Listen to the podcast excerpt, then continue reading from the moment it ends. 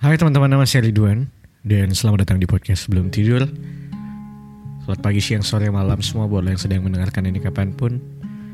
Semoga dan semoga lo selalu dalam keadaan yang sehat walafiat. Um, pernah gak sih lo berada di sebuah circle pertemanan yang uh, temen lo tuh adalah orang yang punya hubungan yang sudah lama banget uh, dan hubungan mereka tuh tidak baik-baik saja. Sebut sajalah hubungan mereka adalah hubungan yang toksik sama pasangannya.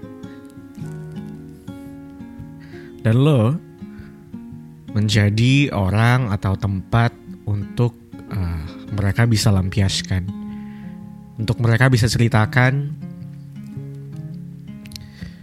apa-apa aja momen yang terjadi antara dia dan pacarnya. Um, toksiknya udah nggak karuan, sudah sangat melewati limit dari berlebihan bahkan. Name it. Um, cowoknya suka uh, ngomong kasar ke dia atau lebih parahnya lagi cowoknya suka mukulin um, cowoknya nggak pernah menghargai apa yang dia lakukan dengan setiap hal baik-baik yang dilakukan sama dia entah kenapa buat uh, cowoknya atau ceweknya kayak mostly cowoknya ya selalu pria yang menjadi peran jahat di cerita-cerita ini I don't know why mostly mostly dari cerita yang sering gue dengar adalah cowoknya yang brengsek. Cowoknya manipulatif, seolah-olah hanya ceweknya yang salah. Seolah-olah apa pun yang dilakukan sama ceweknya adalah hal yang terasa seperti jahat, padahal yang jahat cowoknya.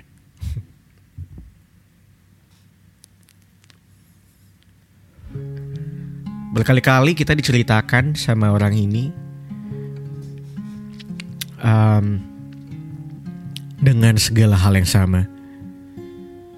Tahu gak sih kemarin cowokku ya masa dia mukulin aku lagi padahal aku nggak ngelakuin apa-apa aku nggak ngelakuin kesalahan sama sekali aku udah coba dengerin dia aku udah coba ngikutin apa yang dia mau tapi entah kenapa dia selalu marah nggak karuan sampai akhirnya dia ngeluarin kata-kata kotor Sampai akhirnya dia mukulin aku lagi. Sampai akhirnya aku disalahkan lagi karena atas apa yang aku lakukan yang aku rasa kayaknya gak salah deh. Emang aku salah ya?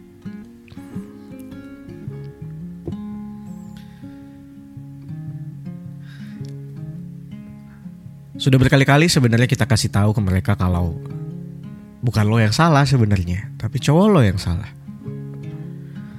Tapi entah kenapa orang-orang ini tidak pernah sekalipun mencoba untuk ngedengerin kita. Don't know why. Yang terjadi adalah ketika kita ngasih tahu ke mereka, udahlah. Kayaknya emang hubungan lo tuh udah nggak sepantasnya aja untuk dilanjutin gitu. Respon mereka adalah cuma, iya kan, bener kan? Capek deh kayak gini terus, aku tuh udah capek. Setiap hari berantem, setiap hari nangis. Tapi entah kenapa kayak dia udah dikultuskan aja gitu kalau kata Sial Priadi. Di dalam bulir darah di tubuhnya udah ada nama cowoknya. Yang entah kenapa mau seberapa kali pun cowoknya melakukan kesalahan rasanya sulit sekali untuk berpaling dari dia gitu. Rasanya kayak hatiku gampang banget ya untuk luluh untuk maafin lagi dan menerima lagi apa yang um,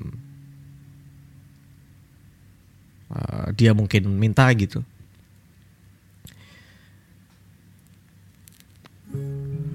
Cowok tuh sering banget marah. Tapi setelah dia marah ya dia tuh mengakui kesalahannya dan dia minta maaf kok. Dia sampai sujud di kakiku. Tapi seribu kali.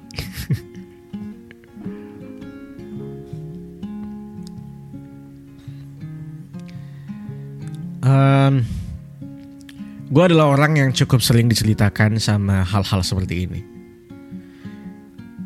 Tapi entah kenapa gue cannot relate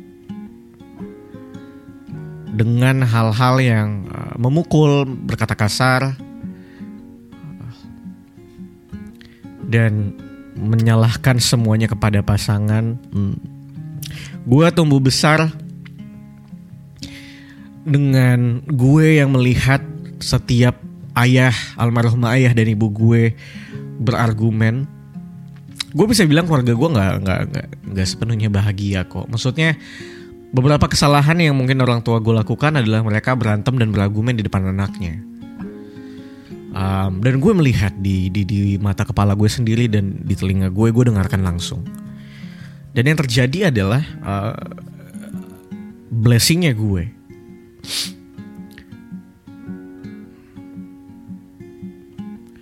Gue terakhir sebagai anak yang ngelihat uh, ayah gue ketika mereka da, ayah dan ayah gue ketika dia berargumen sama ibu gue nyokap gue tuh adalah orang yang temperamen banget, emosional banget, gampang marah, sekalinya marah bisa ngomongin kata-kata yang tidak mengenakan, bukan makian kasar, tapi kata-katanya cukup tidak mengenakan aja didengar.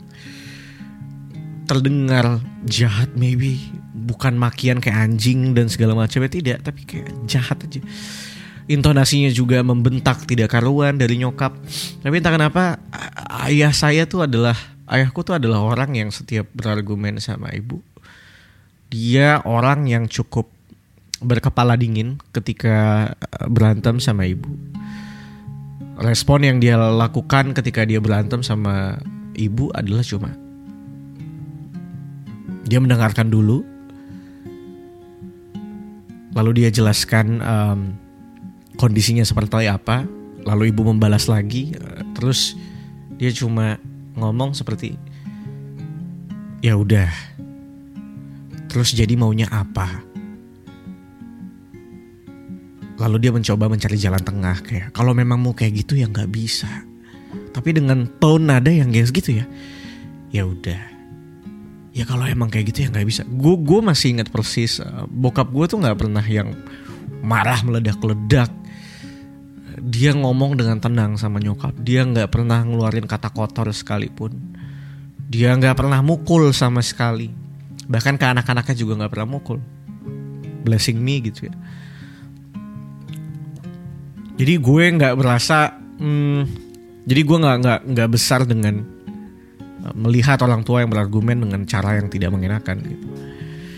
Alhamdulillahnya ayah gue adalah orang yang cukup wisely maybe untuk bisa menyelesaikan masalah sehingga mungkin ke bawah di gue kali ya.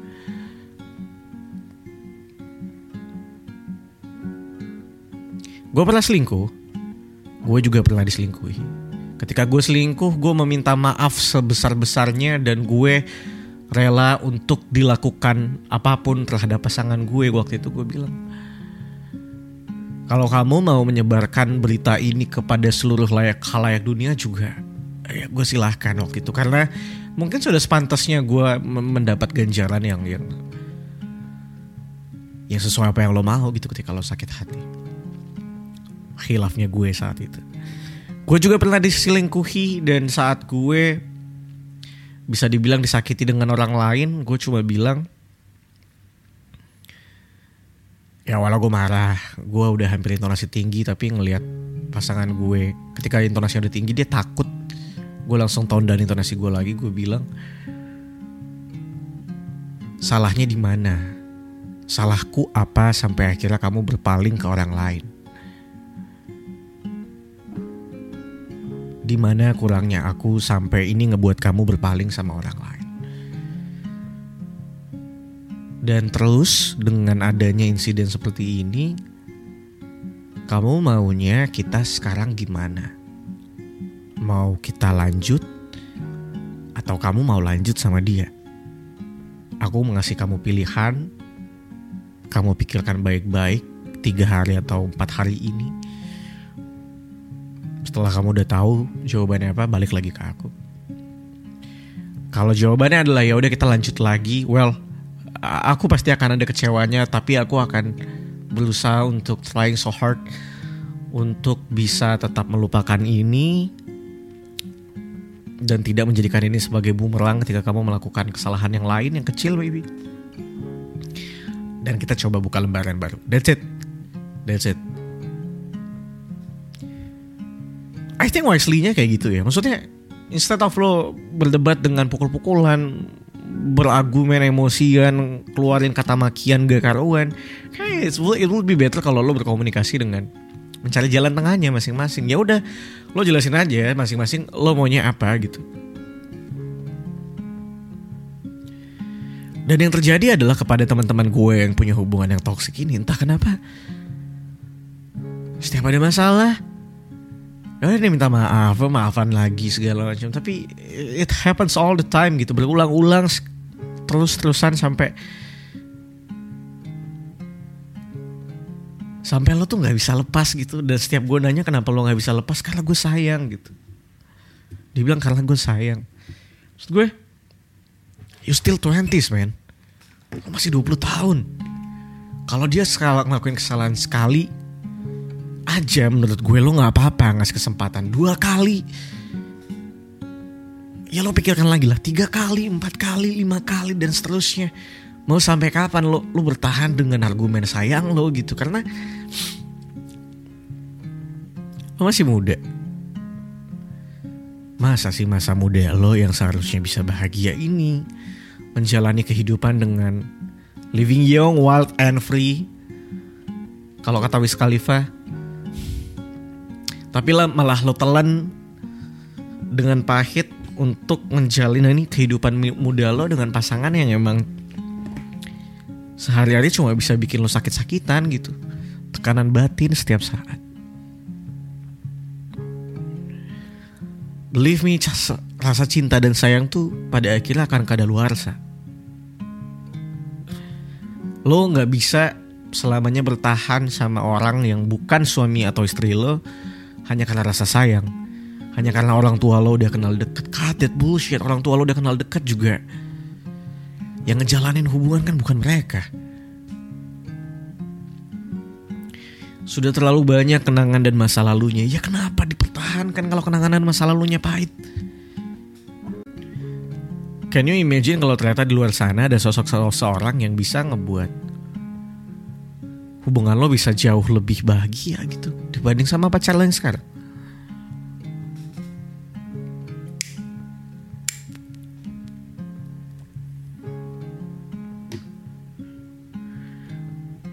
Lo harus tahu kalau kita diciptakan sama Tuhan yang Maha Esa adalah dengan harapan kita bisa menjalani hidup dengan damai, tenang, dan bahagia.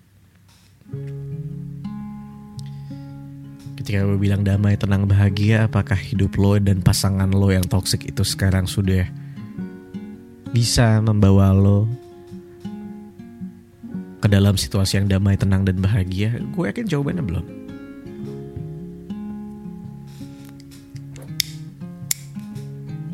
Gue pengen banget sebenarnya untuk cabut dari hubungan ini. One, itu yang sering kali gue denger. Gue pengen banget buat putus sama dia. Tapi kenapa ya susah? Karena lo gak berani. Karena lo gak berani aja untuk ngambil langkah yang lebih agak gede dikit. Untuk mengambil keputusan yang agak besar dikit. Yang lo rasa gue bisa gak ya hidup tanpa dia. Yang lo berpikir kalau dia gak ada gue gimana ya nanti hidupnya kasihan. Hidup dia sebelum ada lo juga baik-baik aja hidup lo sebelum ada dia juga baik-baik aja kan? And then apa yang harus lo pertahanin? Apa yang harus lo pertahanin?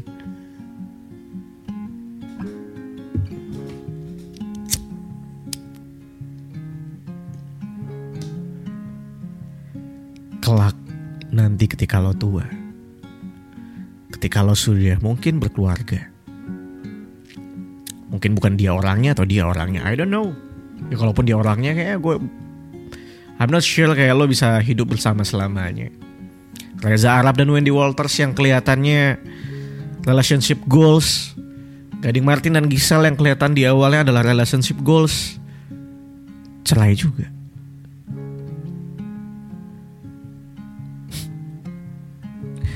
Kelak nanti ketika lo tua lo udah berkeluarga lagi berkeluarga yang mungkin uh, pasangan lo adalah pasangan ideal terbaik yang akan uh, bisa menjalani kehidupan sama lo sampai di akhir hayat lo dan lo sudah punya anak lo nggak akan punya waktu lagi yang banyak untuk bisa lebih banyak bersenang-senang karena lo sudah punya tanggung jawab lagi yang lebih dari sekarang keluarga anak karir, keuangan, many things.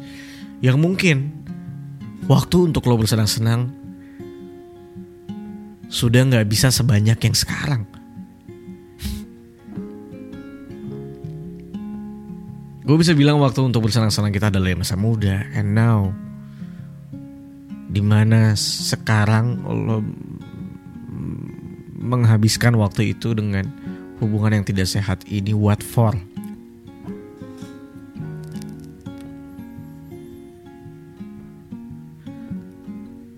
Masa muda kita bukan untuk orang yang sia-sia. Masa muda lo bukan buat orang yang sia-sia. So, Mau berapa kali pun lo curhat sama seseorang, temen lo, untuk lo didengarkan. Solusinya nggak ada di teman dari teman-teman lo. Solusi yang paling terakhir datang dari diri lo sendiri. Take it or leave it. It's your choice. Well, terima kasih sudah mendengarkan episode kali ini. Kita ketemu lagi kayak setiap hari Minggu ya. Kayaknya gue lebih nyaman untuk upload hari Minggu di waktu luang gue. Uh, jangan lupa untuk follow podcast sebelum tidur di Spotify, di Noise, di YouTube juga search podcast sebelum tidur. Gue ada videonya di sana. Um, di Instagram juga jangan lupa untuk follow podcast sebelum tidur. Lo search aja. Uh, terima kasih sudah mendengarkan. Gue Ridwan Handoko pamit. Spread love, not hate.